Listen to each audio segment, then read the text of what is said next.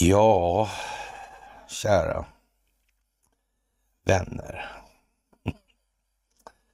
Det är ju helt otroligt, det får jag ju säga. Det här året kommer att bli vad man kan kalla för hyfsat speciellt. Mm. Drakens år. Mm. Ja. Kineser.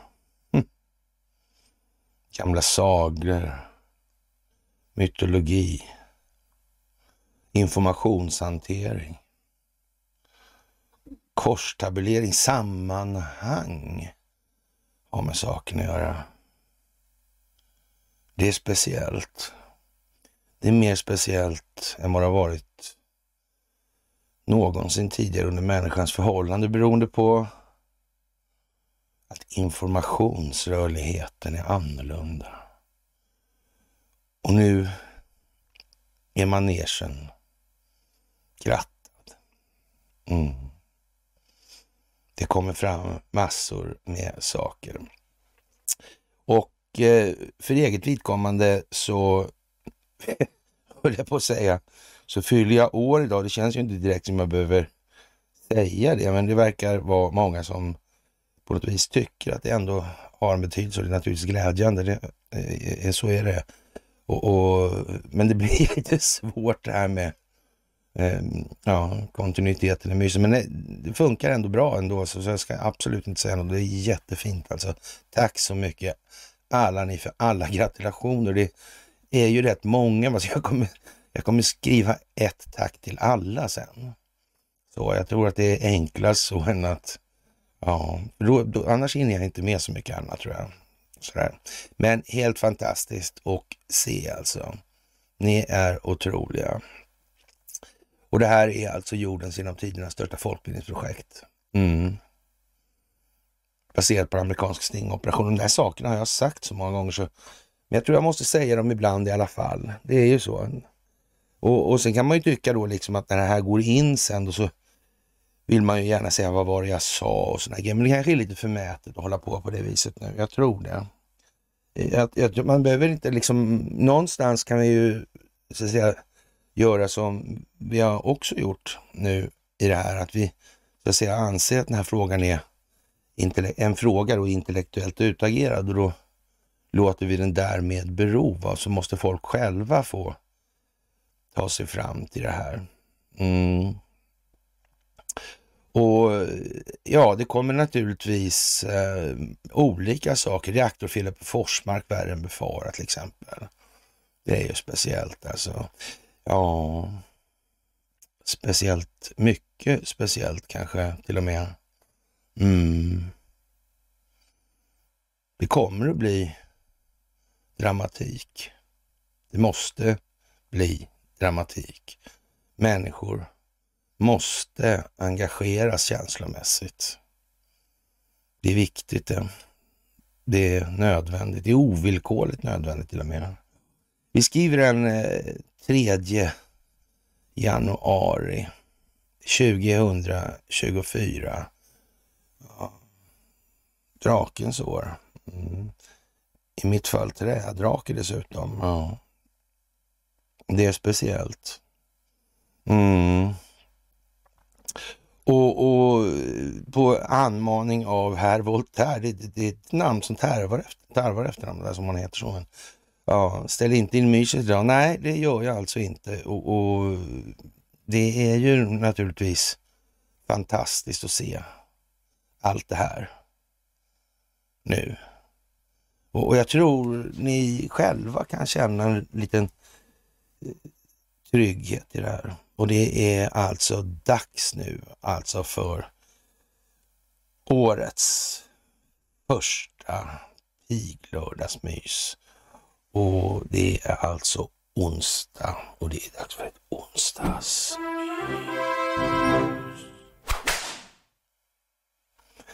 Ja, det där är lite speciellt. Mm. Ljud och verbal judo finns det en bok som heter. Mm. Populär bok inom underrättelsetjänst till exempel. Inte minst kriminalunderrättelsetjänsten, den svenska polisiära. Var en gång in på 90-talet var den väldigt populär hos dem. Ja. Mm.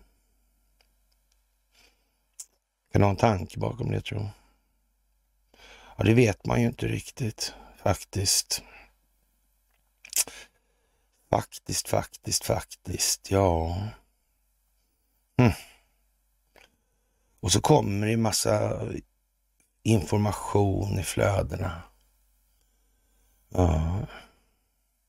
När det gäller de här eh, Epstein-grejerna, så det känns som att vi sa ju det från början angående det här med Pizzagate alltså. Ja, ligga pianistfällor skulle man kunna säga. Man ska akta sig nu alltså för att springa med sånt som man inte så att säga kan backa upp i sak. Då får man skriva och uttrycka sig på så sätt. Så att man bibehåller trovärdigheten. För det här kommer handla om att skjuta pianister i ganska stor utsträckning nu i början och sen fallande skala efterhand som det visar sig möjligtvis stämma. Men det som inte stämmer kommer inte visa sig att stämma och det ska man komma ihåg nu alltså. Mm, det är lätt att skjuta sig själv i sank nu nämligen i det här. Ett sådant exempel kan ju vara då till exempel det här med larmet om stulna barn från Chile. Mm. Och, och, det är ju naturligtvis så att det, den situationen äger sin verkliga grund i en eller annan omfattning. Men frågan är alltså, är Kristersson där nere eller inte? Det vet inte vi riktigt. Det är väldigt svårt att veta, för skulle han vara där nere så lär han inte tala om det då. För då är det i så fall billig teater och dålig teater och nästan en idiotförklaring av befolkningen. Men det tror jag ni fattar. Men först som sist så ska ni ha det allra, allra, allra största av tack för gåvor på Swish och Patreon och för att ni fördjupar er på karlnorberg.se och att ni hakar på Telegramtjänsten. De här korta reelsen heter det då, eller klippen ni gör av mysen där. Det, ibland så säger jag ju någonting som kan vara värt att lägga på minnet och då eh, kan det vara praktiskt att lägga fram en sån där grej. För ofta är ju saker som sägs på något vis genomtänkta alltså.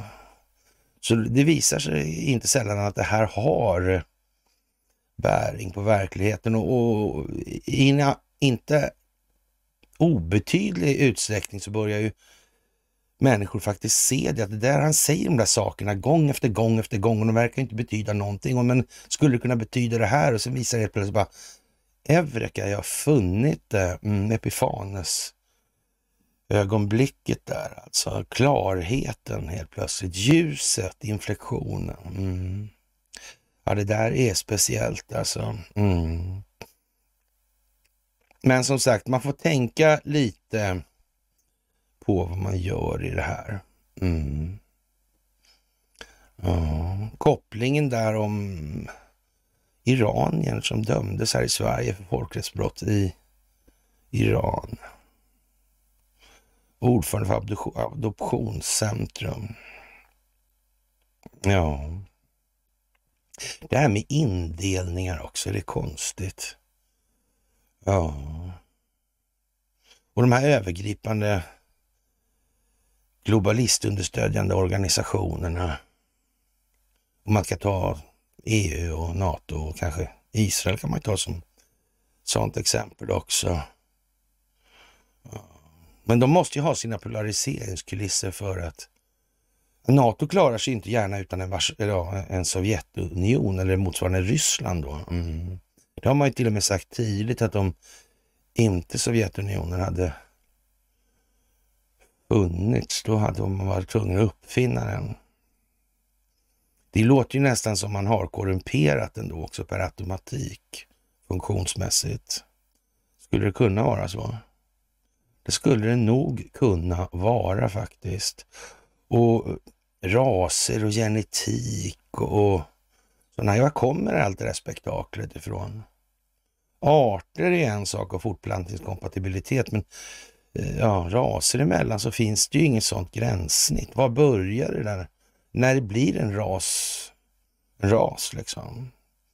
Eller är, är, har man bestämt då ett visst strata eller ett intervall som eh, däremellan är det någonting och utanför det så är det någonting annat. Och var går den gränsen i så fall då? Mm. Och vem sätter den gränsen med vilket syfte? Mm. Eh, det är många som tycker att man kan inte säga så mycket om Zelenskyj, men svårt är också att säga att Zelenskyj gör det här med uh, helt illasinnat uppsåt. Efter, men givetvis ser det ut som det, men det måste ju se ut som det. Men, uh. men frågan är alltså så här att jag klarar ett genetiskt test, säger Zelenskyj häromdagen. Enligt resultaten är jag jude, rumän, turk, lite zigenare och armenier, kort sagt, som förväntat en renrasig ukrainare. Mm, när blir man det ena eller andra här? Kan man flytta på de här landsgränserna rent fysiskt och det gör liksom individen till någon annan ras då? Är det så det fungerar? Är det liksom en rimlig korrelation? Jag vet inte. Ett kausalt samband kanske, jag vet inte heller. Nej. Det där är ju jättesvårt alltså. Jättekonstigt. Mm. Lite svensk gammal i alla fall, det, det, det, tror jag man kan säga. Mm, han är blågul. Ja, Per Myberg dog väl häromdagen också, 34 där morsan spöade farsan gul och blå kanske, jag vet inte. Mm. Och eh, många har liksom lite svårt med, vad är vi för några människor då egentligen? Är vi någon speciell modell eller är vi, är det här ett försök att göra svenskhet till kanske någonting annat än vad det har varit? Ja, eller vad, vad är svenskhet då egentligen om man ser över historien? Hur långt bak ska man se? Ska man se då till, till om man säga brukssamhällenas tidevarv och upphörande? Jag vet inte.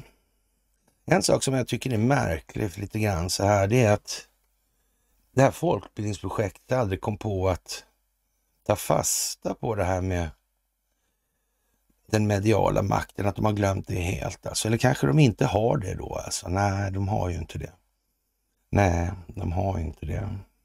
För å andra sidan, om man körde åt andra hållet, om man säger när det gällde att få Hollywood att köra ut någonting.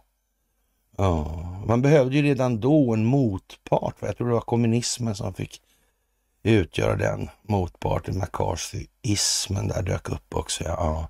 Och vi hade den här liraren i Hollywood där.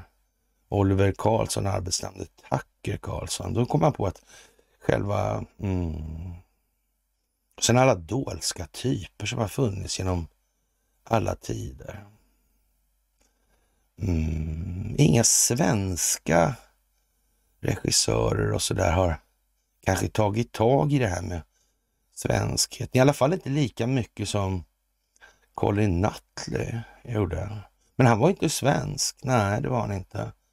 Men han var ändå acceptabel för det skälet att han var liksom eh, vad man bedömde i alla fall var en rätt så kraftig anglofil. Han var ju engelsman. Mm. Men han lyckades fånga det här på något vis alltså. I Änglagård. Byn liksom. Mm. Den sammanhållning man sa var så viktig, som gick ut på att alla snackar skit om varandra bakom ryggen hela tiden. Mm. Det var ju märkligt det där. Maken till ohedlig församling alltså. Får man ändå säga. Mm. Det kanske var det mest svenska i det här. Mm, moralen. Ja, sista dansen. Julbocken, ja. Ja, vad hette han? Reine Brynolfsson, hette han så? Mm. Han var präst där i Änglagård, kommer ni ihåg det?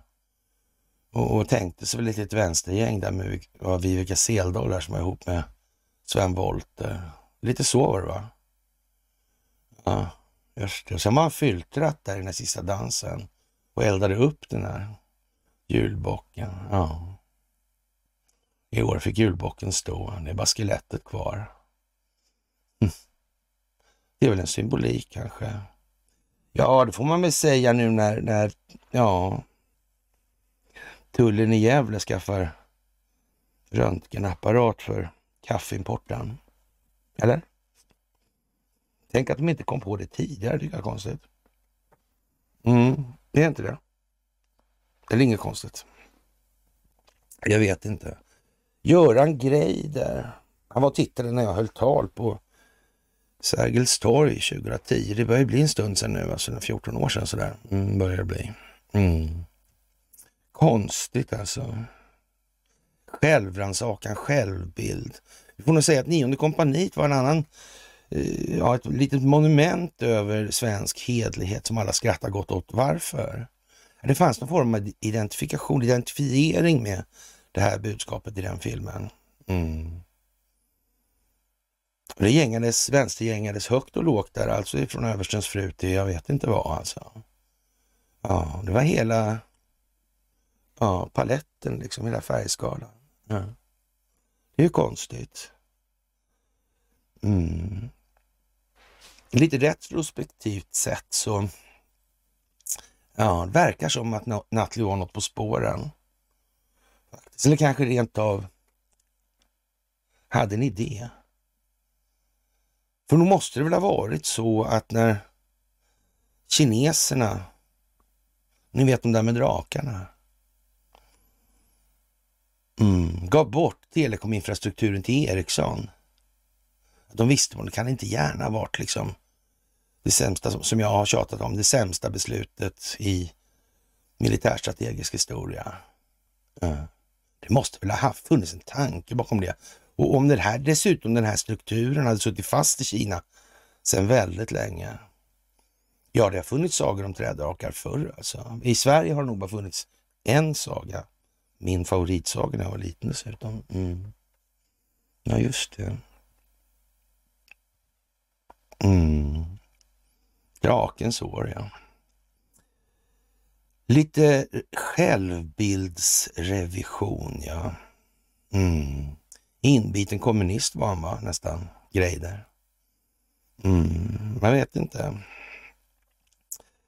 Och eh, jag är i alla fall inte förvånad över att han skriver i Aftonbladet idag som han gör. Alltså det är ytterst sällan han känner sig nervös inför skrivandet av en recension.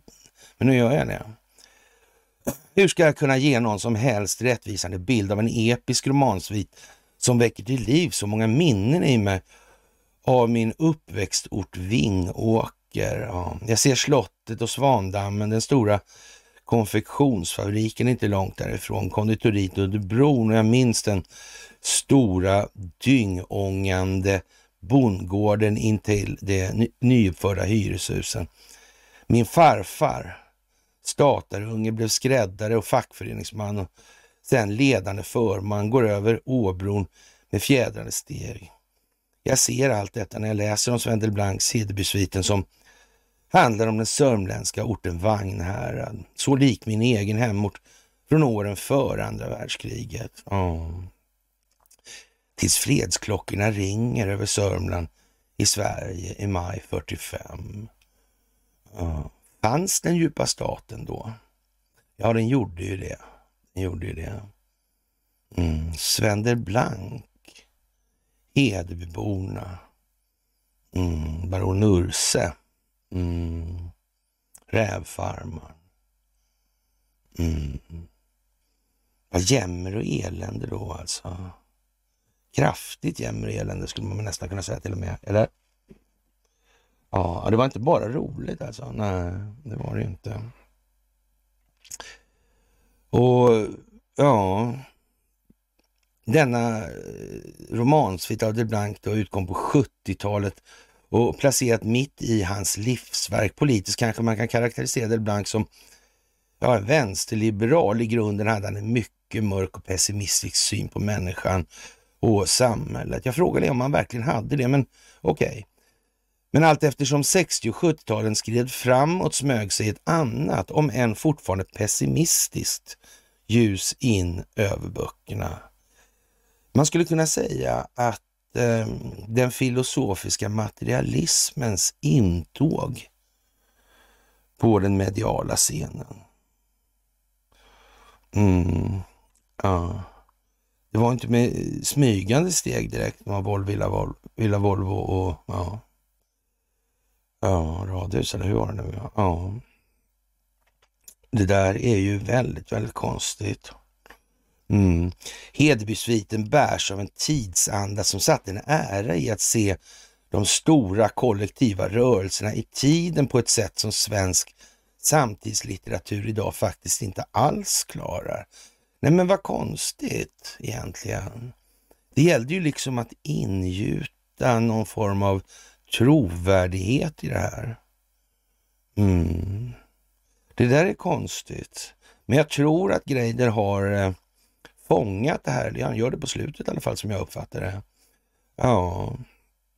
Utgivaren Gunnar Nirstedt påpekar eh, det rent av i sitt, i sitt förord till nyutgåvan.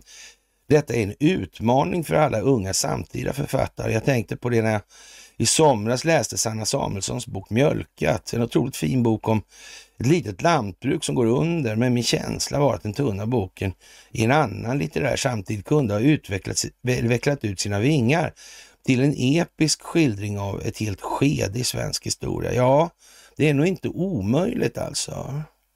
Brukssamhället gick ju ja, sitt öde till mötes. Hos Bank finns alla samhällsskick närvarande. Från en döende godsägarklass till den arbetarklass som nu stack, sakta uppsteg till makten i alla fall. Ja, i alla fall chimärt sakta uppsteg till makten. För det var väl någonstans ändå så att Saltsjöbadsavtalen var vad de var, var den djupa staten existerade. Men icke detta förty alltså. Där finns handlare och där finns småbönderna som snart går omkull och måste dra till staden Södertälje. Alltså, men inte i, någon abstrakt mening. Baronen heter Urse, tragisk men sympatisk. Småbonden kan heta exempelvis Rävfarmaren och medlemmen i A-lagsgänget Avskummet namnges Svensson. Den hunsade handlardrängen Nikodemus skaffar sig självförtroende och lyfter, lyfter sig själv till kommunal, kommunalråd. På Stadshotellet sitter provinsialläkaren och kamren och groggar till sina studentikosa utläggningar om tidens grymma gång och servitrisen avskyr dessa individer alltså. Och denna romansvit väcker till liv alla demoner och änglar i svensk litteratur. Där finns den långa raden av kvinnoporträtt som kanske förvånar mig allra mest. Det var årtionden sedan jag läste så starka skildringar av kvinnors frihetsdrömmar i ett patriarkalt samhälle. Det Blank, son till en ondsint småbrukare, visste dessutom något om boskap, hästar och jordbruk och hur det kunde lukta i en drängstuga.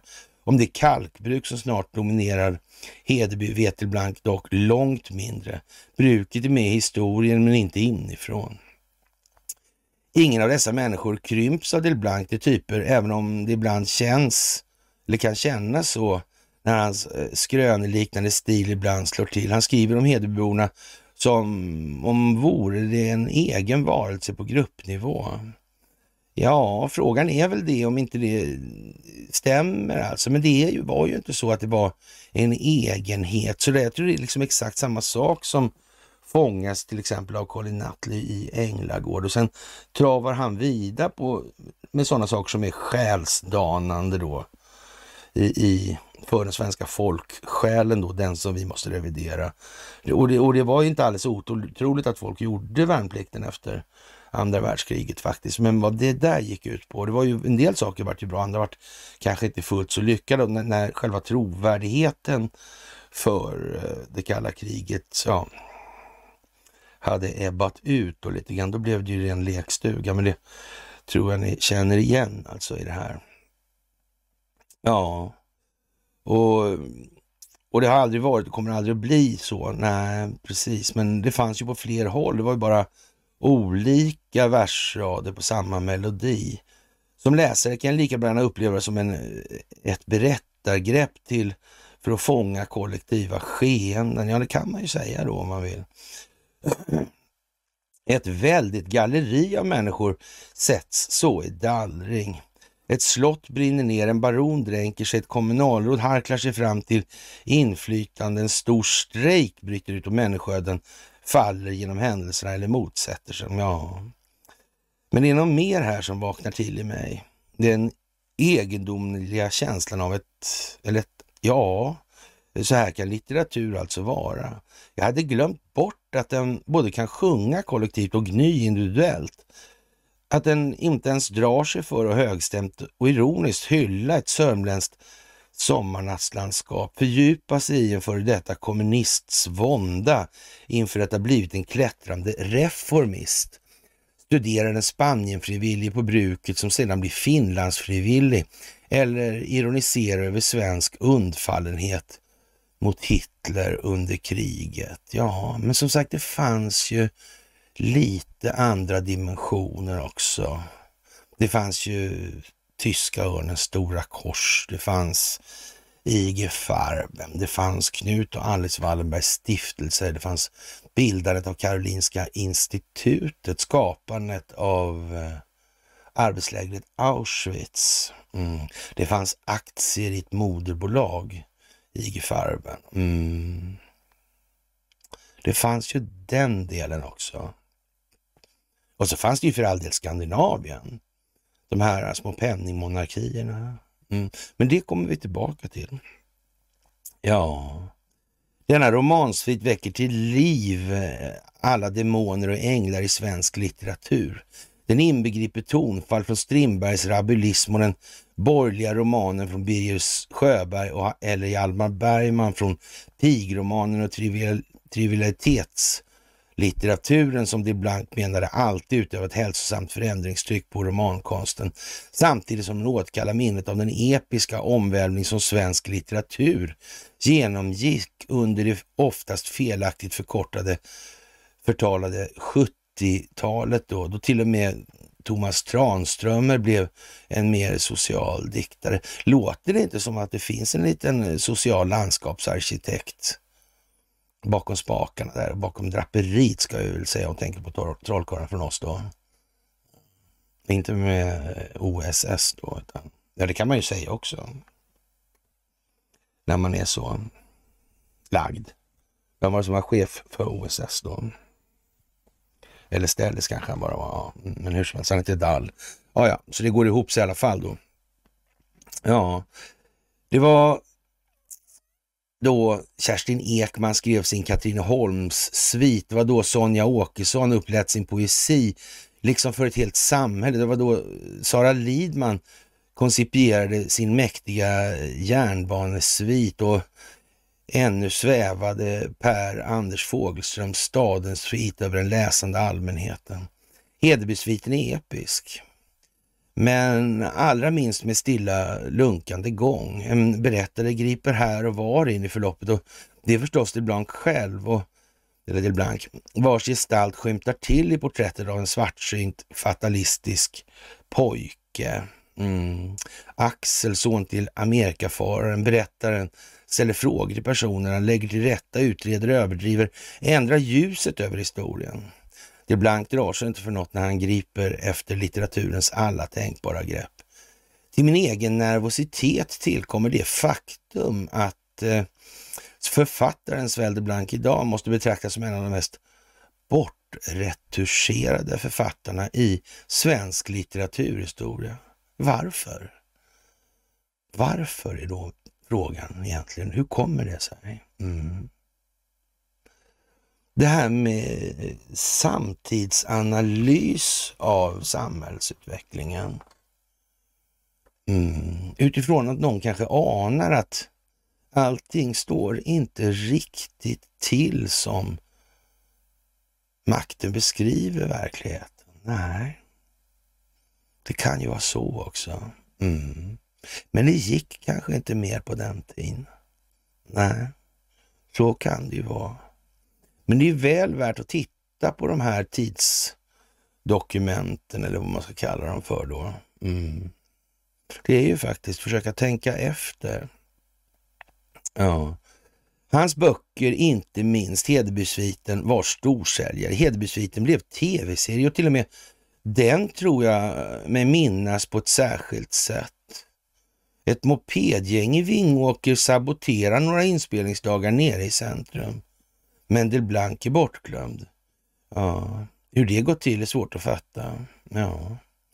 Eh, romansviten består av fyra delar. Åminne, Stenfågel, Vinteride och Stadsporten. tusen sidor litteratur utgivna nu i två delar som får mig att minnas, men framförallt häpna över den goda makt eh, en bred episk litteratur skulle kunna ha över oss. Sverige har förvandlats till grunden. Ja, förvandlas i grunden, ja. Det senaste kvartsseklet. Denna omvälvning, denna omvälvning väntar, jag gör det nervöst, på Sindelblank. Ja, det är ju det där alltså. Det är ju det där. Det måste finnas en motkraft i, så att säga, eller folkbildningen måste utgöra en motkraft till vad makten har ställt till med för att gynna sig själv. Och tro mig när jag säger att i det svenska fallet så har man tänkt på det. Mm. Så är det noga. Så är det noga. Ja. Mm. Ja, och det här oket har ju hängt med en stund alltså. Ja. ja vi kommer tillbaka till för tro det eller ej alltså. Konstantin och Athanasius alltså. Mm. Väringar. Mm. Pretorianer. Hermans Denkmal, Teutenbergskogen. Mm. Och så vidare. Det blir stora kliv där alltså.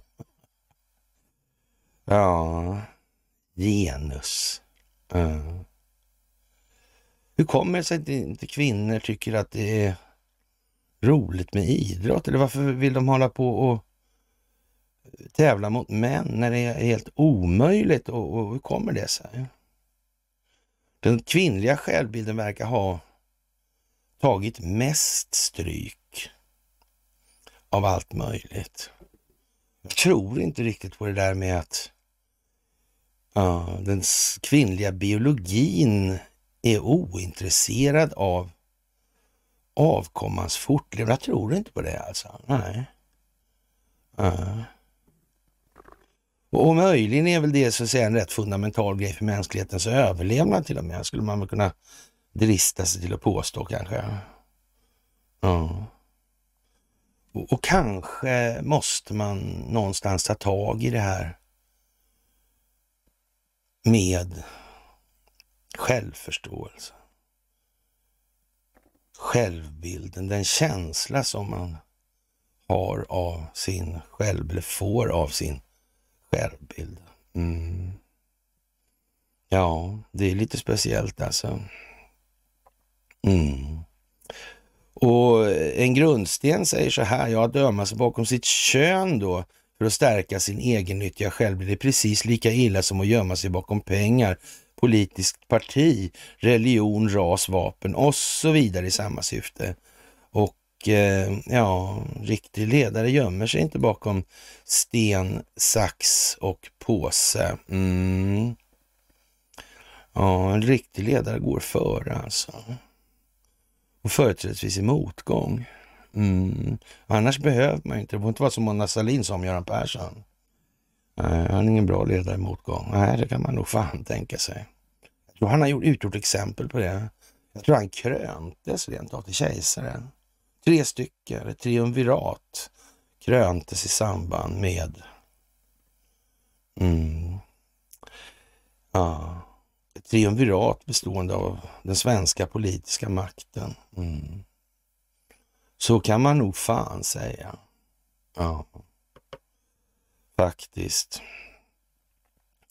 Och ja, i tider som dessa här och ja, USA, statsskulden där 30, eller ja, 34 biljoner dollar. Det är rätt mycket. Mm. Konstigt. Ja, det är ju som det är. Och det, och det kan inte betalas heller.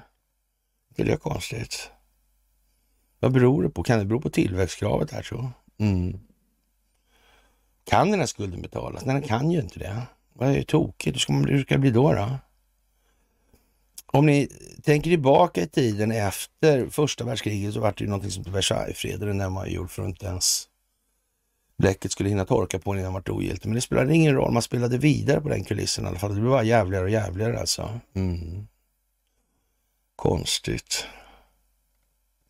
Och sen vart det någon slags jävla konstig hyperinflation där. Folk fick, ja, de fick helt, helt enkelt skottkärror med pengar som de kunde handla limper för. Alltså. Därför höjde handlarna priserna på limper. Ja, det var ju konstigt. Att ingen sa till dem. Ja, inte ens de här... Äh, ja, det, det, var ju sådana här kommittéer då, Naturaleveranskommittén och skadeståndsuttagskommittéer och massa sådana här grejer. Att inte de sa till att det här är ju ett jävla oskick alltså. Så här kan vi inte hålla på. Mm. Eller var det de som låg bakom det där kanske? Ja, men inte nog med det. Alltså, vad händer egentligen 1933? Ja, Hitler kom till makten på helt fullt då, det här i Sverige. Mm. Fast det var ju säck innan han kom på sig såklart, men ändå. Mm. Det var någonting som hette Hovermoratoriet. Vad är det för något? En liten skuldavskrivning eller? Ja, kanske det. Men det där tror jag ni har hört talas om. Och min första favoritsaga, det var alltså Resan till landet länge sedan och den här trädraken, så passande. Mm. Skriven av Elsa Beskow. Mm. Ja, det där var ju speciellt faktiskt. Mm. Och ännu fler gratulationer. Fantastiskt. Tack, tack, tack. Ja, det är mycket speciellt idag det här, får man säga. Allting går ihop, kan man också säga. Mm. Ja, mm. det här med eh, ja, subtila signaler och så vidare. Mm. Mm. Det är som det är nu, kära vänner. Det är faktiskt mycket speciellt alltså. Och, och, ja, imponerande många människor som tycker att sånt där är bra. Och det kanske är bra att spegla lite av tankarna bakom. Varför tänker jag, eller jag resonerar så här, varför tänker jag på det viset för och, och så vidare. Det kan ju vara lite bra faktiskt. Det är speciellt. Mm. Ja, och eh, vad ska vi säga om det här med kungligheter. Det handlar om kungligheter också i den här Mm. Det är ännu lite äldre då, så att säga, mindset än vad det är i Sven Delblancs romanserie. Det här med ja, statarsamhället, brukssamhällen alltså. Mm. Och det där har man fått följa då. Man kan ju säga att det någonstans återspeglas av den teknologiska utvecklingsnivån i samhället. Det är ju liksom som grunden för det här. Det är ju det. Mm. Ja, hur många abdikationer klarar monarkin ställer man sig frågan i Dagens Nyheter idag och det gör man genom en Åsa Bäckman. Ja, jag säger väl att jag tänker sig att det här kommer nu idén, alltså just nu också, så fullkomligt häpnadsväckande eller inte alls alltså. Mm. Precis när nyårsbubblet ja, var upphällt kom skrällen. Den danska drottningen abdikerar efter 52 år på tronen. Så väljer hon alltså Margareta att låta kronprins Fredrik ta över. Den 83-åriga drottningen går med käpp efter en ryggoperation förra vintern har hon känt att det är dags att lämna över till nästa generation. Ja, så kan man ju säga. Margareta har alltid varit en royalistisk frifräsare. Hon har studerat filosofi, röker filter, filterlösa cigaretter och har översatt Simone de Beauvoir. Men framförallt så är hon en riktig konstnär. På 70-talet illustrerar hon Sagan om ringen, vad konstigt, under pseudonym och gjorde scenografin till Billy Augusts film Erengård och förförelsens slott, eller konst, de baseras på Karen Blixens roman med samma namn som kom i höstas. För två år sedan skapade hon dålig stämning på Amalienborg genom att frånta den yngsta sonen Joakims fyra barn deras prins och prinsesstitlar. Prinsen blev upprörd och vägrade prata med mamma. Jag fick fem dagars varsel för att berätta för mina barn att deras identitet kommer att tas ifrån dem. Det är för jävligt alltså. Eh, ja, det är ungefär som att vara läkare. Eh, jag heter läkare Johansson, ja, eller löjtnant Axlund hade jag en som hette också. Han var döpt till det, sa han. Nej. Eh, ja, och det sa han till Berlingske Tidning också. Och tillade med, med darr på stämman. Det handlar om barnen. Ja, mm. Deras uppdrag kan börja framstå som vilket jobb som helst som man kan checka ut från om man har ledsnat eller vill testa något nytt. Själv menar Margareta att hon gjorde det här för att barnbarnen ska kunna få forma sina egna liv. Ja, det är ju ett argument som man inte lätt kan värja sig emot. Om man har konvenansbiblar som är tjockare än gamla ja, Stockholmsdelen på Svensson, höll jag på säga. Men, mm. Ja, konstigt det där. Men, men, men det är klart. Av regenten, att regenten lämnar, lämnar tronen är en stor sak i ett land som inte har en tradition av abdikationer. På ett sätt kan man se det som en sund och nödvändig modernisering av monarkin. Drottningen visar att den som inte längre vill ha den ärvda kronans kan avsäga sig men man behöver inte vara rent på livstid. Ja. Fast nu är det ju bara en kvar. Mm. Men det för också med sig problem. Man brukar säga att kungligheten inte får bli för lika oss alltså. Och om det skiljer sig, krisar eller blir utbrända blir de jämförda med oss vanlisar och, och, och blir därmed meningslösa. Då kan man ju säga att man anser då att vi ska vara meningslösa. Vi ska sakna sammanhang. Vi ska vara en grå massa, en lydig massa. Vi ska inte vara individer som tänker fritt de klarar av att räkna ut själva att samhället bara kan utvecklas om individen utvecklas. För det är inte det vi ska göra, det skriver man ju rakt av här nu alltså. Och det kanske man ska fundera lite på. Det där kan man ta med en nypa salt. Avståndet mellan deras liv och vårt är fortfarande tillräckligt stort. Men börjar det abdikeras hit och dit i de europeiska kungahusen blir det annorlunda. Deras uppdrag framstår då som vilket jobb som helst och, och som man kan checka ut från om man ledsnar eller lite som något nytt bara. Ja, och, och, då är risken stor att allt fler kommer att börja fråga sig varför ska vi betala alls för dem? Ja, så kanske de fyller en politisk poäng också med sin inblandning i det här, trots att de inte har någon varken politisk, politisk eller juridisk makt kvar. Nästan. Mm. Men man sparade inte de bästa korten till sist. Det gjorde man inte. Den djupa staten ville nämligen alla väl. Mm. Ja, det kan ju vara så. Den 14 januari blir den 55-årige Fredrik kung av Danmark och vi får se om han har lust att behålla jobbet fram till sin död. Stalltipset är att det här är riggat alltså och det har att göra med att de här tre länderna, Sverige, Danmark och Norge, är i grunden penningmonarkier. Och det svenska inflytandet, eller Investors inflytande i ja, de politiska eller de ekonomiska sammanhangen det kan nog anses som inte helt obetydligt i alla fall.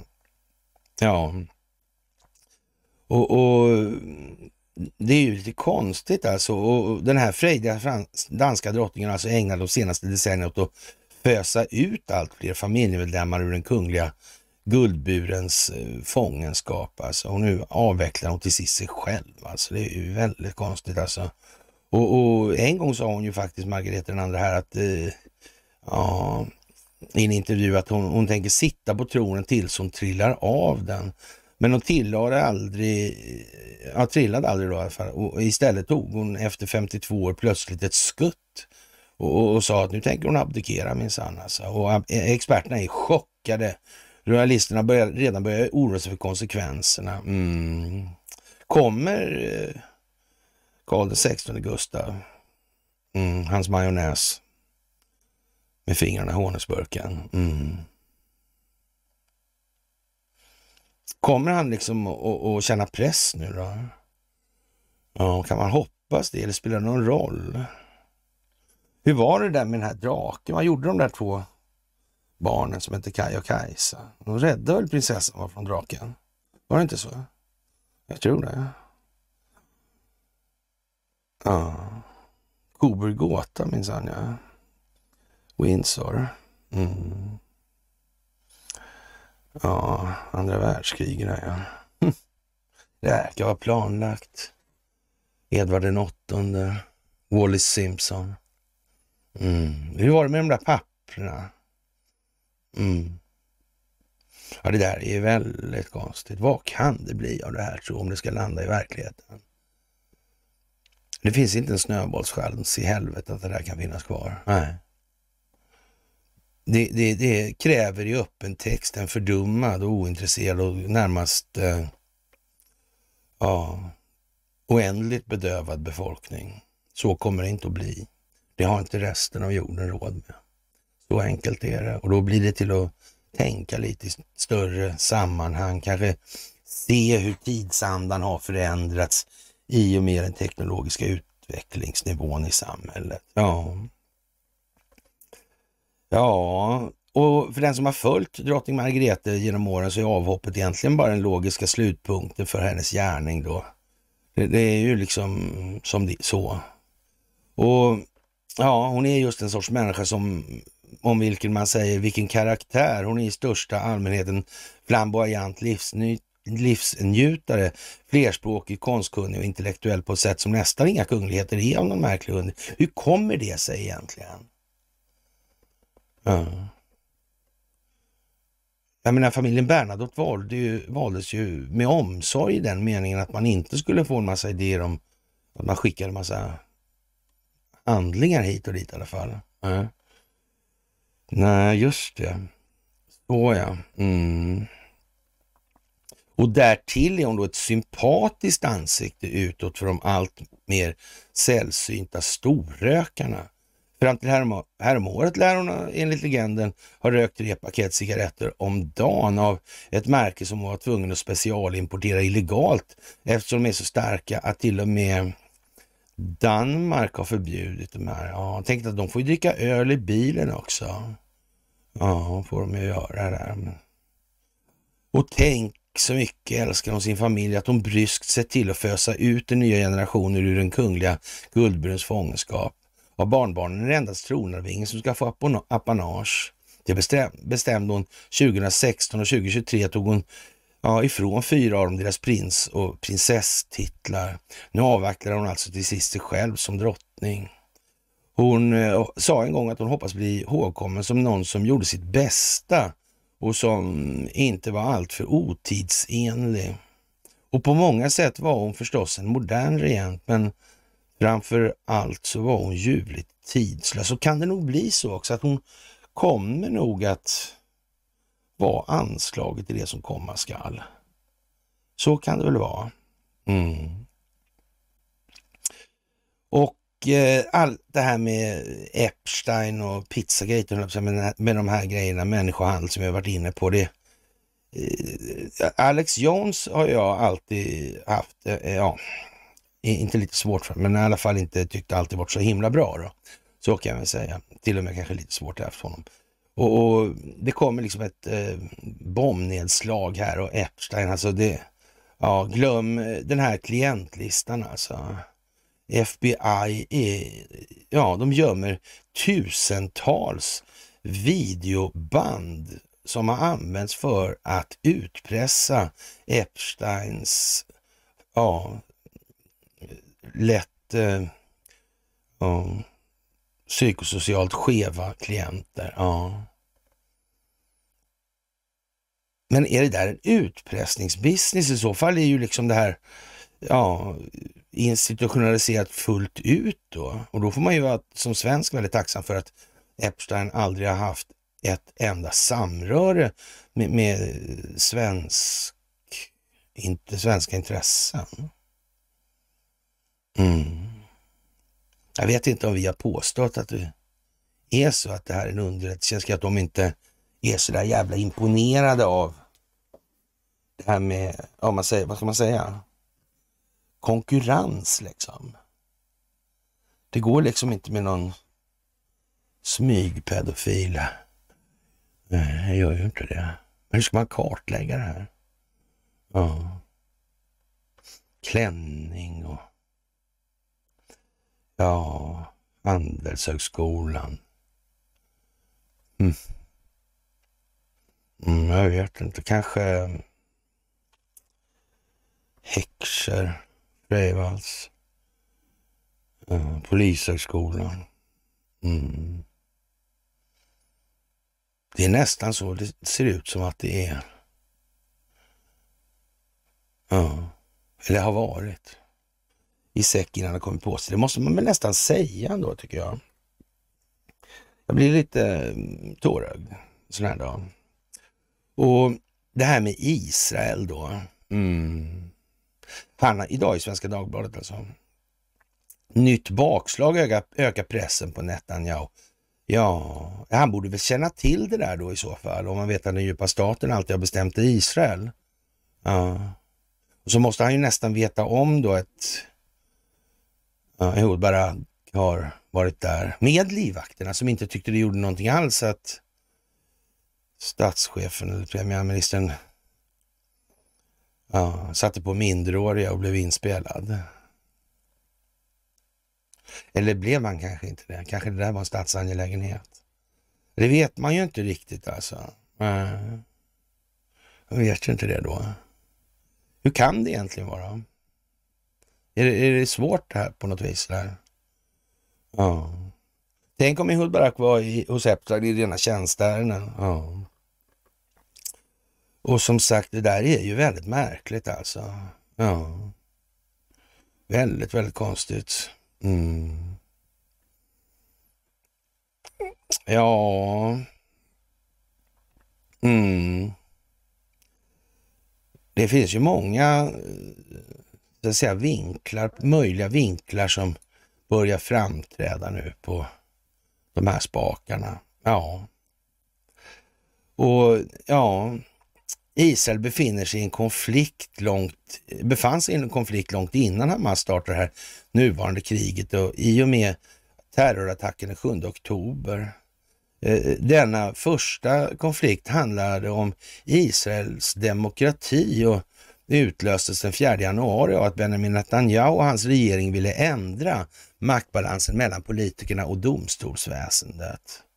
Ja, Högsta domstolen skulle fråntas möjligheten att upphäva regeringsbeslut som den ansåg var orimliga. Ja, man kan väl inte ha så att Högsta domstolen eh, är helt av, eller, ja, frisvängande, det verkar konstigt också. Och dessutom har Netanyahu sagt att det här, ja, den djupa staten har alltid bestämt det. I så fall känns det ju snarare som att då är Högsta domstolen korrumperad. Mm. Det kan ju vara så. Hade inte vi en Högsta domstolsledamot ett tag där som snodde falukorv och julskinka? Jag vet inte. Det var nog julskinka för att vara inte så lik fäbodstintan i alla fall. Nej. Så var det väl va? Jag vet inte. Ja, och, och, ja, dessutom skulle den stoppas från att hindra brottsdömda mm, folkvalda från att inneha ämbete, något som i framtiden skulle kunna bli ett hot mot den korruptionsåtalade Netanyahu, som har fått pengar av ThyssenKrupp Kockums. Fast det vart ju en splittring där och gryningsräder och stor dramatik i tv där ja. Just ja, så var det. Mm. Och så var det det där med Besek också som köper, eller ja, de gör ju det kanske. Mm, sin kärnteknologi från se där, ja, se där, ja, ja. ja. Det vet man ju inte. Ja, och det här ledde till de eh, ja, kritiker såg som att Netanyahu förklarade sig eller förklarade krig mot såväl domstolsväsendet som den israeliska statens normer och värderingar. Ja, de där normerna och värderingarna är nog lite, ja, det är nog lite läge för revision där skulle man väl kunna säga. Va? Ja, det ledde till de största demonstrationerna i landets historia. Tusentals reservister vägrade inställa sig till militärövningar och när försvarsminister Joav Galant i mars, eller Gallant, varnade för att landets säkerhet stod på spel så fick han sparken. Men sen insåg Netanyahu att det var att gå för långt. Därför fick Galant stanna kvar och istället meddelades att regeringen skulle söka en kompromisslösning. Så blev det inte. Inför sommaruppehållet röstade regeringskoalitionen igenom en lag som upphävde rimlighetskriteriet med vars hjälp Högsta domstolen kunnat stävja korruption och maktmissbruk. Ja, eller vidgå, vilket som. Därför väntar nya massiva protester inför sommaruppehållets slut i oktober.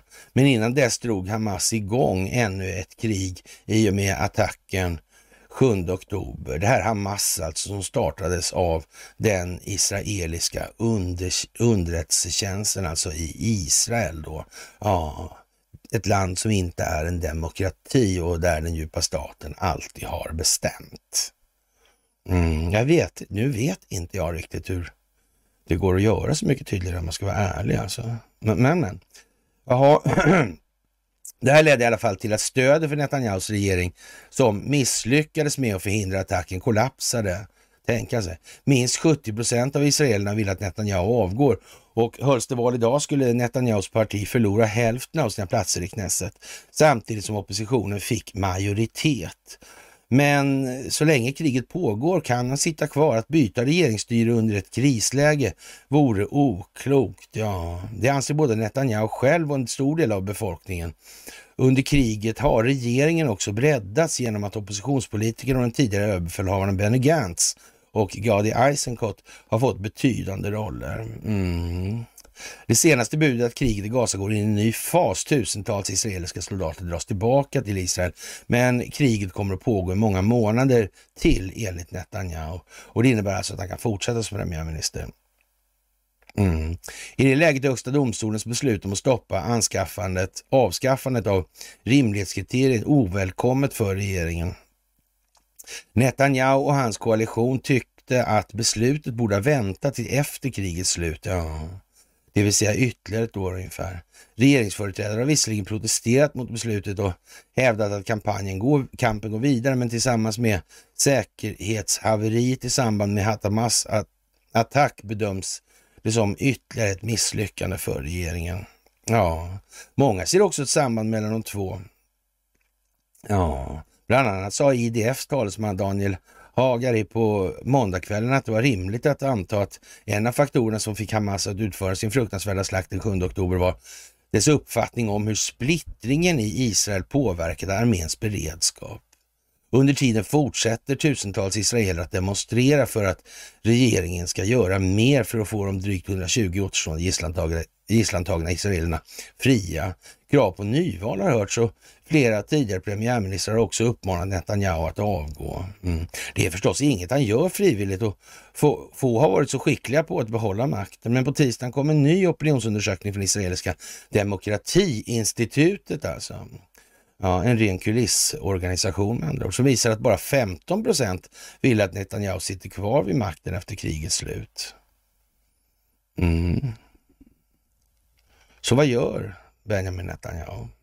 Verkar han för eller emot den djupa staten? Vad kan det möjligen vara? Det vet man ju inte riktigt. Nej. Mm. Ja, som sagt, och i USA, det här med presidentvalet. Ja, det exponeras bara mer vad allt det här är för någonting. Och nu visar det sig då att i den här artikel 2, sektion 1, paragraf 5, så står det så här att ingen person utom en naturligt född medborgare eller medborgare i Förenta Staterna vid tiden för antagandet av denna konstitution ska vara valbar till eh, presidentämbete. Inte heller ska någon person vara berättigad till det ämbete som inte ska ha uppnått en ålder av 35 år, måste vara 35 år gammal alltså, och, och har varit bosatt i USA i 14 år. Då, då blir det lite tokigt där för Nikki Haley. Tänk att man inte tänkte på det. Eller är det så att Nikki Haley är framspelad för att visa på just det här? Och vad händer då om det visar sig att Kenya är inblandad i det här. Mm, konstigt. Kenya, ja. Kenya. Fan, ligger inte Mombasa där? Jag för mig det. Jag vet fan, konstigt som fan. Mm. Ja, och hon som kallas Birdbrain då. Mm. Mm. Hon som hade Trump på kroken, ja. Mm. Eller? Ja, man vet ju inte. Och vad kineserna säger om draken. Så De säger lite olika om olika drakar i alla fall. Den här trädraken som är för tiden nu då. Och, och ja, konstigt alltså. Trädrakan njuter av att tala om originella idéer och är öppna för andras synsätt. Trä har ett förändringens inflytande och bidrar till, med kreativitet till tecknet. De är innovativa, fantasifullt praktiska och uppskattar konst i alla dess former. De är i allmänhet mindre pretentiösa än andra drakar och eh, dessa trädrakar har förmågan att komma överens med andra människor. det är även det som krävs för att skapa ett framgångsrikt och lyckligt liv åt sig själva. Eh, det är dock frispråkiga och kan ibland vara lite påträngande och svåra att dämpa ner. Ja, det kan man säga. Så. Jag vet inte det där riktigt hur det förhåller sig med den saken. Eller, jag vet inte hur bra ett AI var på 80-talet. Ja, 78 hörde i alla fall Marcus Wallenberg talas om det där, det vet jag i alla fall. Ja. Vet jag inte. Börjar man mata in saker i den här, det kanske syftet med den där var just, eller? Det vet man ju inte. Det har de ju liksom inte talat om. Nej. Jag tror ju att det skulle kunna vara lite åt det hållet i alla fall. Jag, jag ska, skulle inte utesluta det omedelbart i vart fall. Eller i varje fall ska jag säga. Eller kanske till och med i vart fall, utan för den skulle avse var åt alltså. Mm. I vart enskilda fall alltså. Mm. Ja. Eh, och, och, nu kommer det ju återigen en sån här konstig grej alltså. Och som sagt, den före detta CIA-analytiker Dr. John Gentry varnar för att, den, så att säga, den, det som kallas för den djupa staten inom underrättelsetjänstkollektivet då kommer att försöka att interferera med 24 års val på samma sätt som man gjorde 2020. Mm. Men är inte det här konstigt? Och om man nu så att säga fruktar det eller om man så när kommer då så att säga militären och säga så men vi, vi ska ha val då, alltså vi, vi kan garantera att den så att säga verksamhetens integritet kommer man att uttrycka det som då. Mm. Man kan inte ha, alla kan inte ha det så bra som vi har i Sverige med valintegritet och rösthemlighet. Alltså det är det bästa av allt, för då vet ju ingen vad någon annan röstar på. Och då kan man fuska mycket som helst utan att någon kan härleda någonting och säga att det här var ju fusk. Jag undrar om vi är bäst eller sämst i klassen på de här grejerna. Jag, jag, jag är inte riktigt säker där, men jag, anar att jag, många skulle bli besvikna. Ja, Någon, och man tycker ju som vanligt som svensk att, men det, att, att det fungerar så himla bra överallt hela tiden i Sverige. Sådär. Det, det vet vi ju beror på att eh, annars skulle ju någon ha sagt något. Mm. Ja. Mm. Ja, jag tänker att det har blivit så vanligt det där med djupa staten. Mm. Konstigt.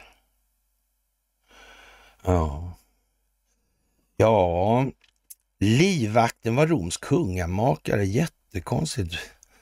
Pretorianska gardet, gardet där alltså. Ja. Och, och det här äh, pretorianska gardet och kejsarens livvakt bestod av tusentals elitsoldater vars huvudliga uppgift var att skydda regenten. Ofta visade det sig dock att livvakterna var kejsarens värsta fiende. Mm, ja, det var ju inte bara sultanen som var obeväpnad. Men det kanske man hade kommit på redan och sätta i, tidigt att sätta i system. Det skulle ju kunna vara så. Ja, det skulle det ju kunna vara. Och det vet man ju inte om de hade så mycket flugsvamp där nere. Ja, så, så det var bara att köra på liksom. Det var nämligen bara gardet som fick bära vapen i Rom, häpnadsväckande nog också. Mm. Och om regenten antingen snålade med deras lön eller visade sig vara svag så ja, då slog pretoria pretorianerna till och mördade sin herre alltså. Och eh, 312 Ja, fick de många intriger när kejsar Konstantin den stora alltså. Eh, att permanent upplösa gardet, det är en otroligt konstig tidpunkt. Vad hände då egentligen? Mm. Ja, 312-13 där så, så gjorde han någonting konstantin annat. Som inte hade liksom med ja, den säga, interna maktfunktionen på det sättet att göra. Nej, gjorde han ju faktiskt något helt annat tillsammans med den här Athanasius. Ja, just det, han ja. Mm. Det var ju de som gjorde den här synoden i Nicaea. 325 efter Kristus. Det var de som krigade mot Arius där. Arius hävdade ju då att Jesus var Guds son som en del av skapelsen som alla andra människor så. Mm. Del av Gud. Alltet. Mm. Allt är ett och så vidare. så här. Mm.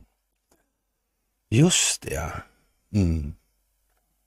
Han upplöste alltså det pretorianska gardet 312 där och sen godkände han kristendomen. Och den här synoden i Nicaea, ja. Och sen tog de här arianska krigen där. Ja. Arius han hävdade ju då att han var en vanlig människa som alla andra.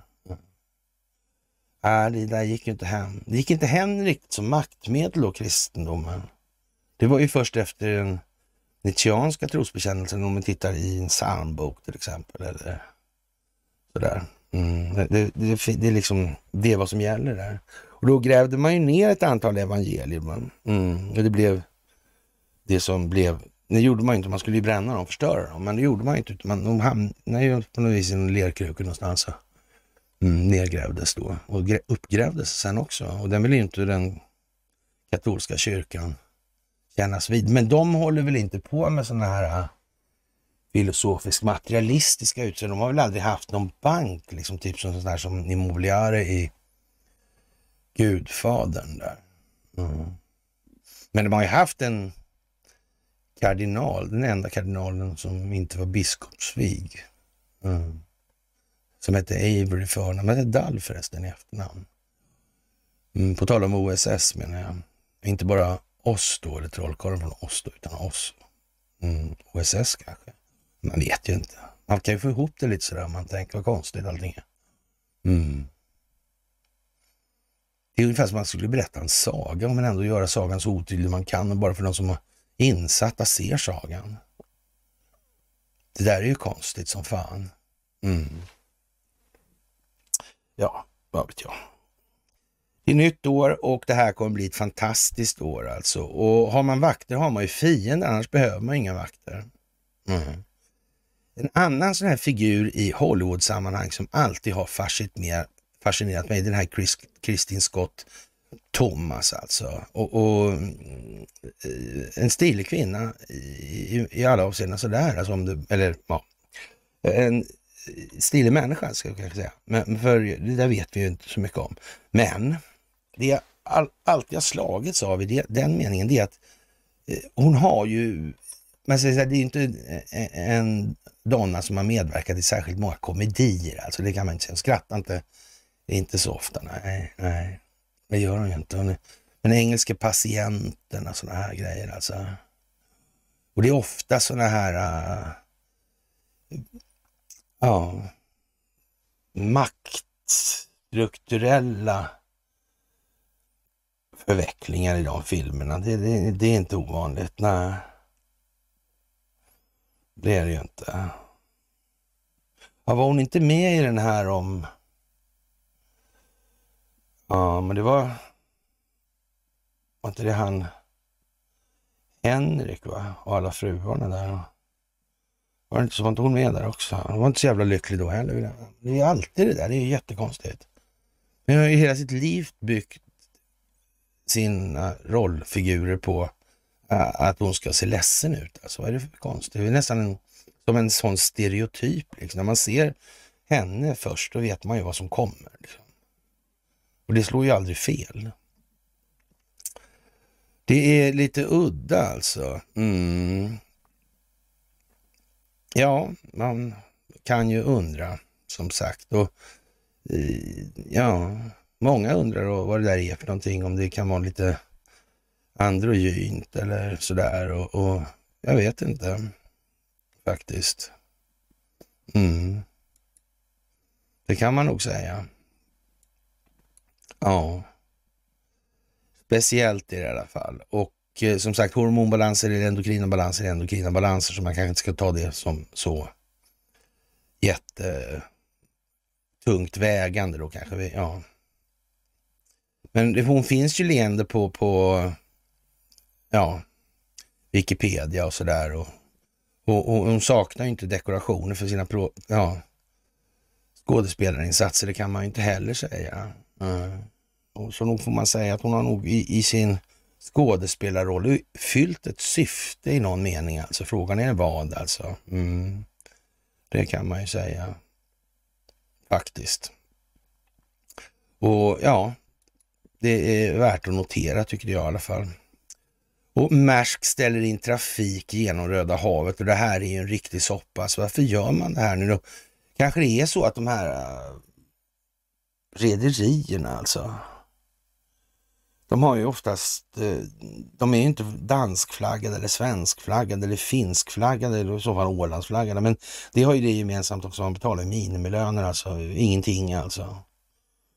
Det är 200 spänn om dagen och såna här grejer. Fortfarande alltså. Mm. Och det är ju thailändare och filippinare och såna här grejer som jobbar. Mm.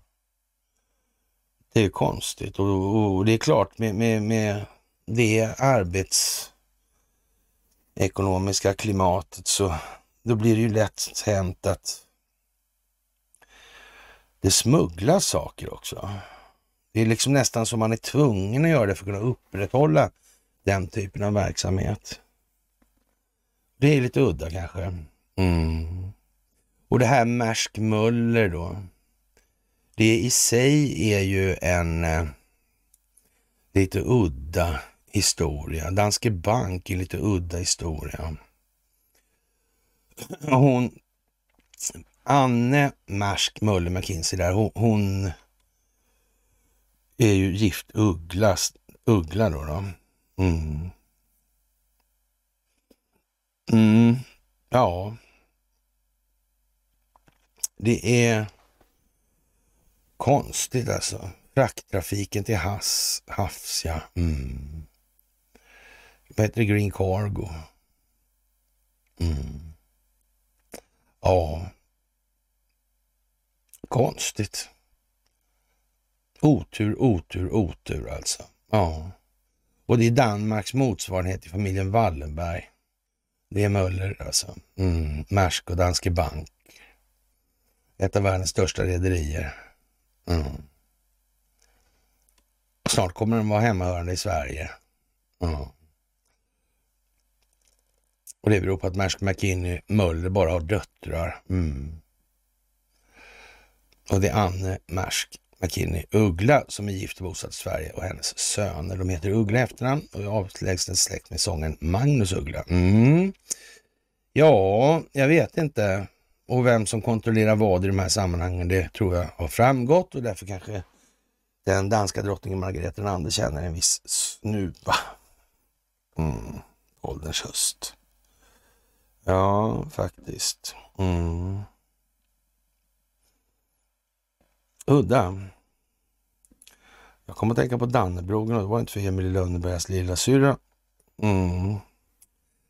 Det var som Petrell, vad hette hon då, den där donnan som såg henne där uppe i flaggstången. Hon såg lite dåligt också. Ja, ja. Kalmar Nyckel in Yorktown, Virginia är en båt alltså. Det är ett segelfartyg och ja, vad var det där för någon båt? Och Kalmarunionen var en skandinavisk union mellan kungarikena Danmark, Norge och Sverige som bildades 1397 och varar till 6 juni 1523. Unionen infattar därmed flera områden som Finland, Island, Grönland, Färöarna, Orkneyöarna och Shetlandsöarna och omfattar det största politiska samlade området i Nordens historia. Efter att Sverige lämnade unionen förblev Danmark och Norge i union fram till 1814. Mm, hur var det där liksom? Mm. Ja. Ja. Med betydande ändring i formerna för denna 1536. Ja. Ja, verkar gå tillbaka långt det här alltså. Och Kalmar Nyckel nyckel då, eller Kalmar nyckel kanske man ska säga, Kalmar nyckel då, var ett frakt och örlogsfartyg som byggdes i Holland runt 1625 och var i svensk ägo till från 1628. Kalmar nyckel och fågelgrip var de två fartyg som 1638 fraktade huvudparten av de svenska kolonialisterna till nya Sverige. Och eh, fartyget tillhörde då Söderkompaniet och det sjösattes 1625 alltså. Mm. Ja, The Swedish Mayflower, ja ja det var ro roligt faktiskt det där med, med Mayflower och Kalmar nyckel och man bland de här äh, målningarna som fanns som man var liten och på massa segelfartyg sådär så då fick man intrycket av två olika fartyg faktiskt. Konstigt. Det är mycket märkligt varför man la sig sån, gjorde sån, la sån energi, eller la sig vinn om att ge det uttrycket alltså. Ja. Det där är ju väldigt märkligt alltså. Kanske inte. Nej. Mm, det går ju tillbaka långt här. Vi kan konstatera det att Athanasius och Konstantin de gjorde maktverktyg av kristendomen. Ja, men de var tvungna att göra om religion, kapa religionen rent ut sagt, alltså förbjuda arianismen där. Arian eller arier, det fick bli något annat dåligt sedermera. Mm. Det verkar på något vis ha varit samma intressesfär bakom då, kan man väl säga. Ja. Det har väl hållit i sig helt enkelt, kan vi gissa på. Mm. Ja, och ja, Elmo Samvalt, ja, DDG 1000. Mm. Sankt Elmos Fire. Elektromagnetisk strålning. Mm. EMP-vapen. Mm. Det blir liksom inga direkta fysiska skador då. Nej, det blir inte. Det blir andra skador. Ja. Snart utanför strandbastun, hemma vid får herr Bauer till det. Ja, det kan man kanske säga. Och, och, ja, kampanjen om en vit månad i januari möter motstånd i Frankrike, rapporterar Guardian. Ja. På ena sidan oroliga professorer, på andra sidan en stark alkohollobby med Emmanuel Macrons uttalade stöd. Eh, och man kan väl säga så här då, alkoholen förändrar ju ingenting hos individen, tar bara bort spärrar. Mm. Men, men är det inte bättre om individen lär sig e, eller leva mer sanningsenligt med sig själv genom att förändra sig själv och utvecklas som individ så att samhället kan utvecklas? Verkar inte det bättre? Ja. Det behöver ju inte vara så att man krökar hejdlöst. Macron, han verkar ju säga att han dricker ett par glas vin både till lunch och middag. Och, och nu tar man lite som intäkt för alkohollobbyn som vill tjäna pengar. Jaha. Mm. Men om man släppte det där fritt överallt så skulle det väl inte bli så mycket med sånt där heller.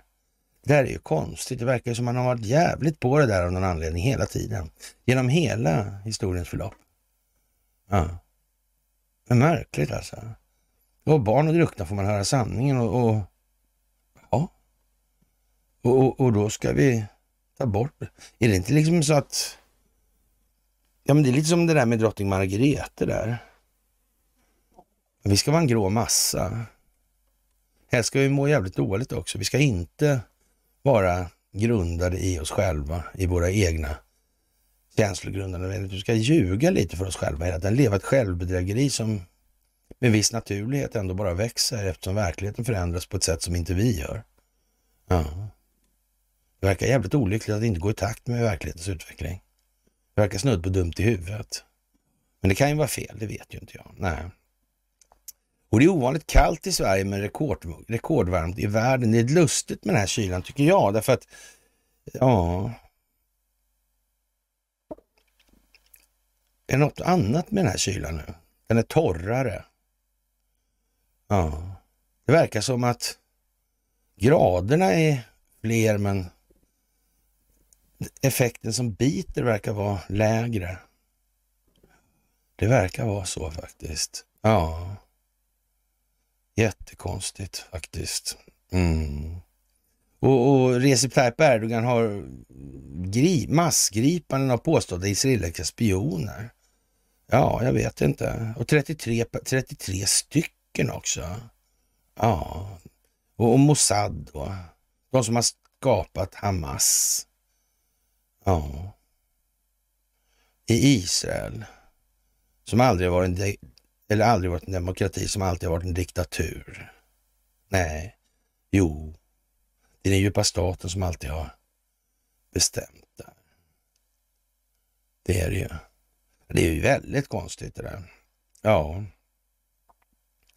Och, och, som sagt, jobbet när spionavdelningens personalliggare hamnar i fel händer, det kan man ju säga. Och, och ja, Mossads bankgironummer eh, börjar kanske på 50 som andra svenska myndigheter görs. Har de två lustigkurrarna Norberg Eriksson då gått samman och skaldat där. Ja, det kan man väl säga kanske. Ja, ja. Och, och det här med Alex Schulman och ja, kommer ingen undan av oss tidens gång alltså. Mm. Jag vet inte vad jag ska säga om det, men det är ju det här betraktelsen av oss själva som är frågan. Och den här gången gör väl Alex Schulman inte kanske ett eh, eh trevligt men alltså habilt hantverk som skribent i alla fall. Och varje gång jag hör skådespelaren Sam Neill prata om svenskar om hur varje, svenska varje nyår konsumerar filmen Ivanhoe tänker jag på Madame i Thomas Tranströmers Vilda torget. Dikten börjar så här, Madame föraktar sina gäster därför att de vill bo på hennes sjaskiga hotell. Sam föraktar svenskarna för att de varje år vill titta på hans sjaskiga film. Det blir ju en tradition in i traditionen. Att Sam ett par dagar innan nyår går ut, ut på sociala medier och häpnar och förfasas över den där gamla skitfilmen, att den fortfarande finns och inte bara det att svenskarna tycks älska att titta på den på nyårsdagen. Alla svenskar hatar mig på nyår, säger Neil i en intervju och det är ju helt enkelt inte sant alltså. Det är han som då kidnappar den här Rebecka då, då så, som är något så avancerat som judinna då, då. Det är oklart vad nu det egentligen är, men i alla fall. Då. Ja, jag har inte sett några aktuella tittarsiffror på några år, men jag gissar att det rör sig om max 100 000 svenskar som eventuellt hatar Sam Neill på nyårsdagen numera. Ja, eh, det är illa nog. Jag undviker årliga traditioner och upprepningar i möjligaste mån för allt som påminner om eh, tid som går. och Jag reagerar negativt på tid som går. Jag håller mig borta från majbrasor och dans runt midsommarstänger och allt av liknande upprepande slag. Men det är ju klart, eh, ju närmare årsslutet vi kommer, desto svårare blir det mot jul och nyår blir allt så ursinnigt, repetitivt och gemensamt. Det är som att vi sitter där tillsammans, 10 miljoner svenskar och tittar på Kalle Ankas julafton. 500 000 gubbjävlar säger exakt samtidigt till sina barnbarn, en sån färg skulle man ha när tomtenissarna målar schackbrädet. Eh, samma gubbar ska dock eh, också informera barnen om allt det inte får se i tomtens verkstad. Tomten hade en svart docka, men den har Disney tagit bort och en jude som dansar kosack han försvann också. Men kinespojken som dansar och reser på håret, där, ja, han fick tydligen vara kvar. Moa. Ja, jag vet inte. Mamma skrattar högt och onaturligt. Jag fattar inte, begriper inte varför det är så roligt. Och sen lukt av krut, cigaretter och vin. Eh, och så de tysta repetitionerna, det vi varje år funderar på men inte delar med oss av. Så Musse Piggs ton på husvagnssemester när Långben matar kossan med hö från bilens förarsäte och han själv mjölkar kossan från husvagnsfönstret. Och när han har all mjölk så ropar de till Långben, låt henne gå nu. Han låter oförklarligt förbrående, låt henne gå nu. Så har man tröttnat på Långben. En otyck liten ton av klander väcker oro i mig år efter år, decennium efter decennium. Nyårsaftonens hysteriska upprepning börjar redan i barndomen. Same procedure as last year. Ja, frågar betjänten grevinnan och svarar ja, same procedure as last, eh, as every year. Och så snavar han över lejonhuvudet och mamma skrattar högt och onaturligt och jag fattar inte, jag begriper inte varför det är roligt. Och sen luktar av krut och cigaretter och vin. Och pappa halkar över snön med dubbfria lågskor, raketerna i handen. Var försiktig Allan, han hette Allan Schulman alltså. Ja. När nyårsratten närmar sig kommer man inte undan, det är den stora repetitionen.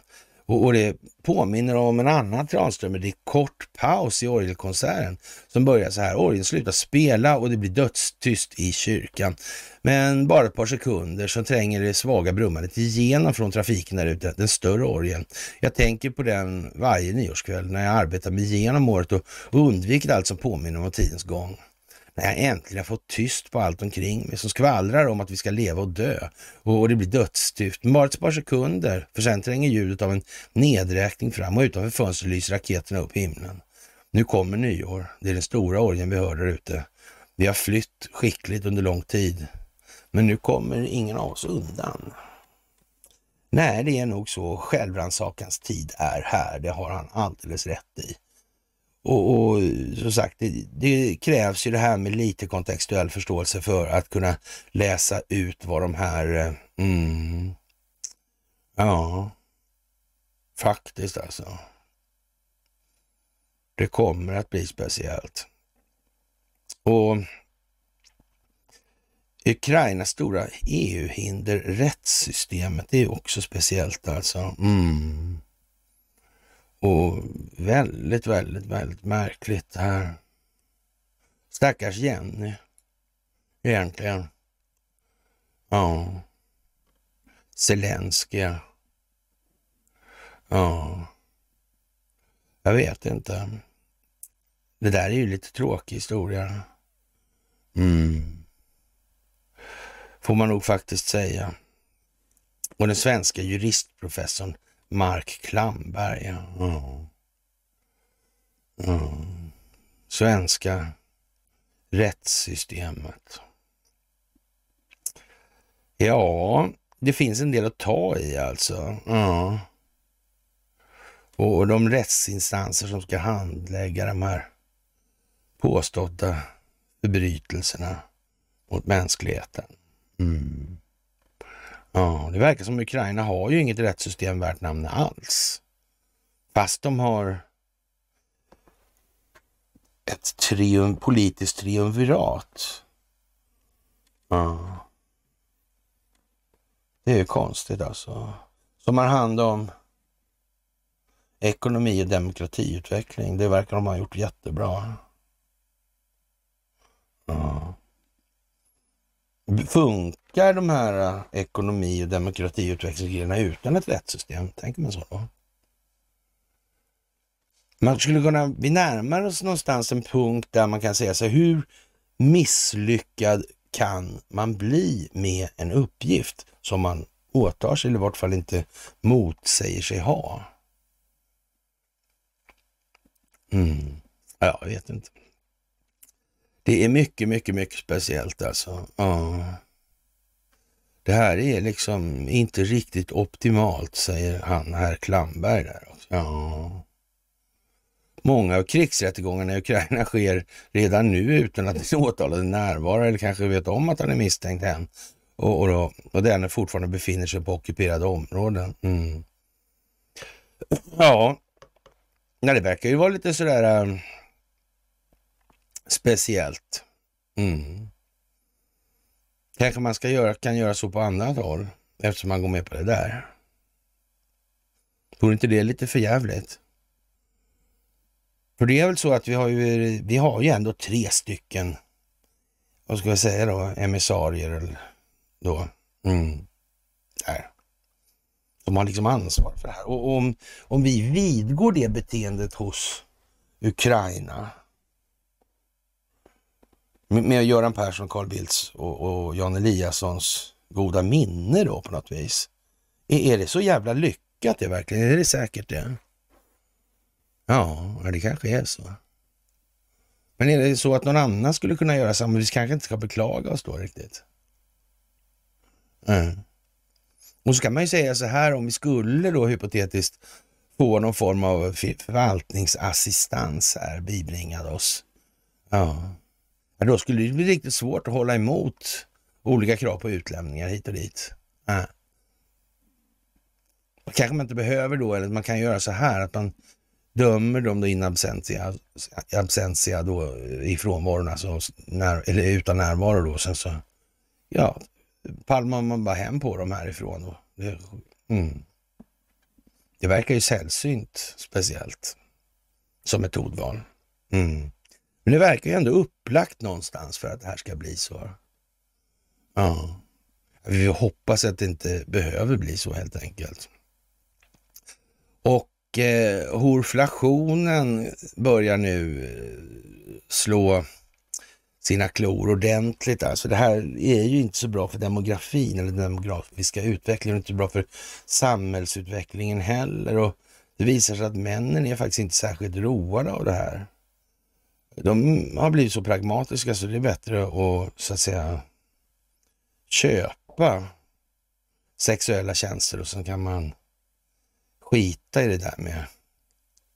Och, och där vid lag får man nästan säga så här, eh, ja, är det kanske därför torskarna ska vara kriminella? Mm.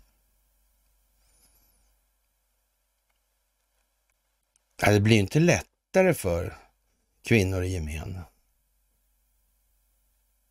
Nej, så blir det ju inte. Så, mm. Det verkar som att det blir som vi har sagt, alltså kvinnorna har väl i någon mån försatt sig själva i den här situationen också genom att inte protestera mot manligt deltagande i idrottssammanhang och så vidare, kriminalisera torskarna och, och, och amerikanska undersökningar visar det här är, är liksom, ja, hotet mot civilisationens stabilitet.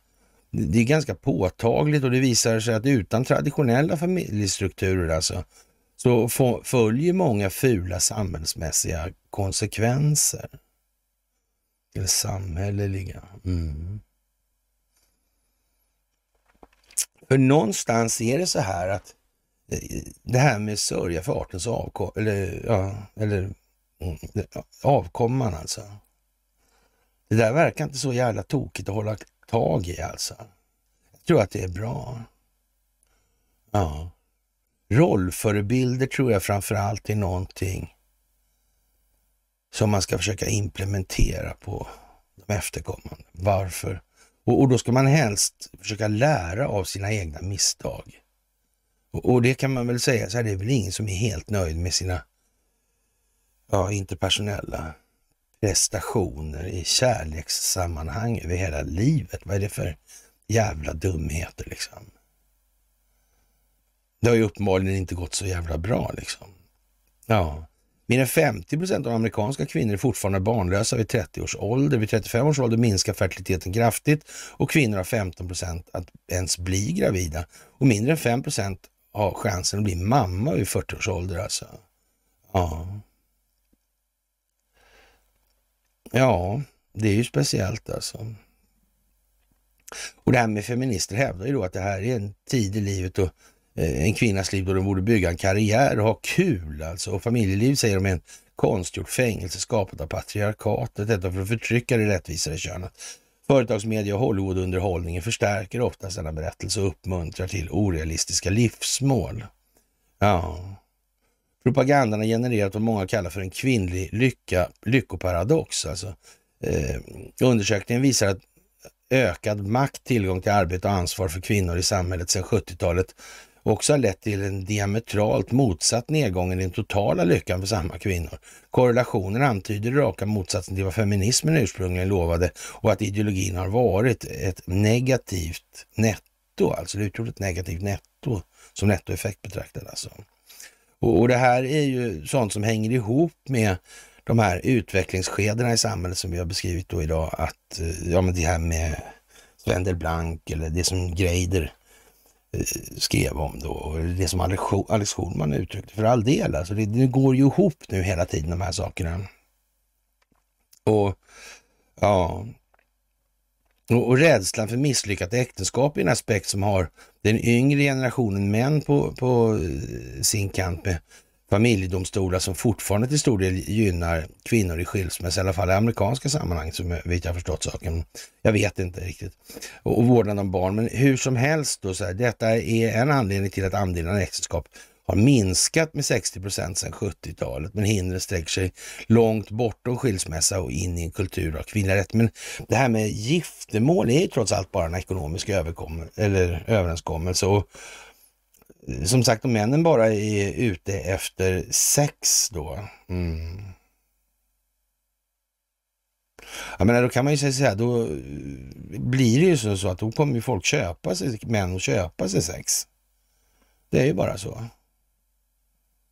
Och, och någon, något annat blir det inte och dör då så att säga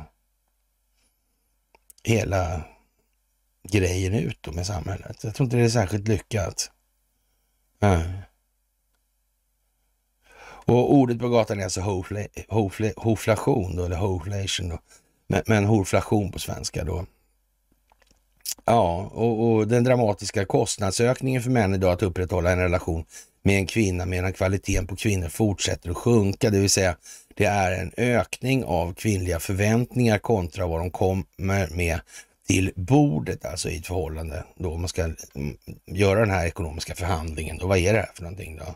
Ja, du får knulla på lördagar och liksom mellan 9 och 10 eller vad det nu är. Sådär, man kommer överens om då. Mm. Och då visar det sig att ja, månadsekvationen talar ju inte för att ha någon relation i den meningen då, sådär, för det, då är det skitsamma liksom. Mm. I övrigt kanske det inte fanns något som var så särskilt tilltalande. Nej. Det är ju lite så man måste börja tänka också. Man får vara lite kallare och klarare helt enkelt. Men det är för allas bästa alltså. Därför det verkar ju precis som att det blir bara tok av allting nu, det här med kvinnorna och deras genusroll i det här. Jag vet inte, det verkar som hela begreppet, i, eller det här är konstigt alltså. Ja. Eh, med andra ord brukar kvinnor från det förflutna ha något att erbjuda bortom sexuellt umgänge. Från större feminitet, större potential för moderskap, Ja, mindre stridslystnad och narcissism samt en överlägsen förmåga att uppfostra barn och underhålla hem. Sådana egenskaper är mycket attraktiva för män även efter 60 år av utbredd feminism, men ses som obefintligt bland kvinnor under 30 år 2023 alltså. Och det bör kanske noteras att den här horflationen verkar vara direkt kopplad till progressiva influenser och inte alla kvinnor faller i den här kategorin. Tyvärr identifierar sig 71 procent av unga kvinnor i USA då med progressiva övertygelser till skillnad från unga män som bara är 53 procent progressiva.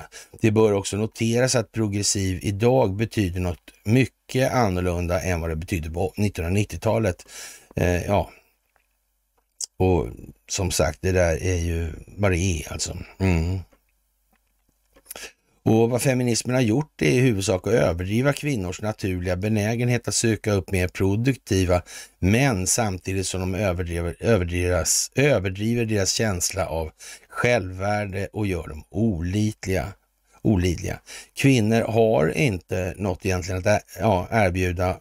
Kvinnor som kvinnor som inte har något att erbjuda har inpräntats med storhetsvansinne alltså.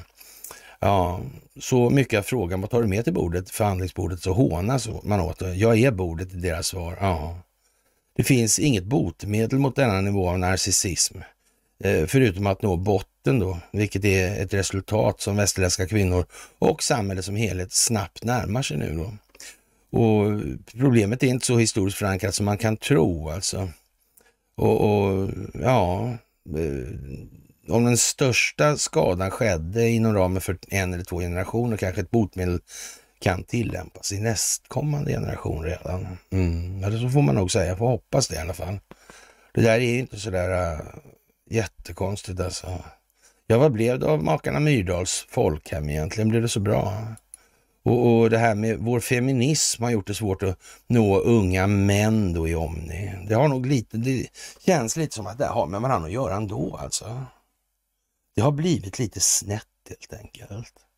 Och, och det är naturligtvis att var och en i sin egen lyckas med. Det är ju så eftersom vi bara kan uppleva våra egna känslor. Vi kan bara utveckla oss själva som människa. Mm. Sådär. Ja, det här är lite udda, men det, som sagt, det har med bilden att göra. Det har med självrannsakan. Mm. Revidera Självbilden, ja. Mm. Ja, kära ni. Det är fantastiskt att få göra det här tillsammans med er. Helt otroligt och återigen ett stort tack för alla gratulationerna idag på födelsedagen. Jättesnällt av er, verkligen. Och ja, jag tror vi kan se fram emot en fantastisk tid nu helt enkelt. Bland trädrakar och hej och hå liksom. Mm. Sagor och fabler och så vidare. Med det så önskar jag er en fantastisk pig lördagskväll. Och ja, Conny jobbar ja och eh, han ska vara med på fredag enligt plan då. Och som ni märker så blir ju förskjutningen allt mer åt det här med självbildsrevisionen. Och det ska ni eh, tänka lite på nu tycker jag, för det, ni ser hur medierna faller på i det här. Mm. Mm. Faktiskt. Och minns det här med Änglagård, Sista dansen, mm. Nionde kompaniet, de stämningar i samhället som förmedlades. Minns Hedebyborna. Mm. Ja. Han som, polisen som gjorde inspektion där på Stadshotellet var ju rolig också på Hedebyborna, kommer jag ihåg. Mm. Mm. Nej, fantastiskt, det måste jag säga. Fantastiskt att få göra det här med er. Och med det så önskar jag er en trevlig piglördag som sagt var och så hörs vi senast på fredag.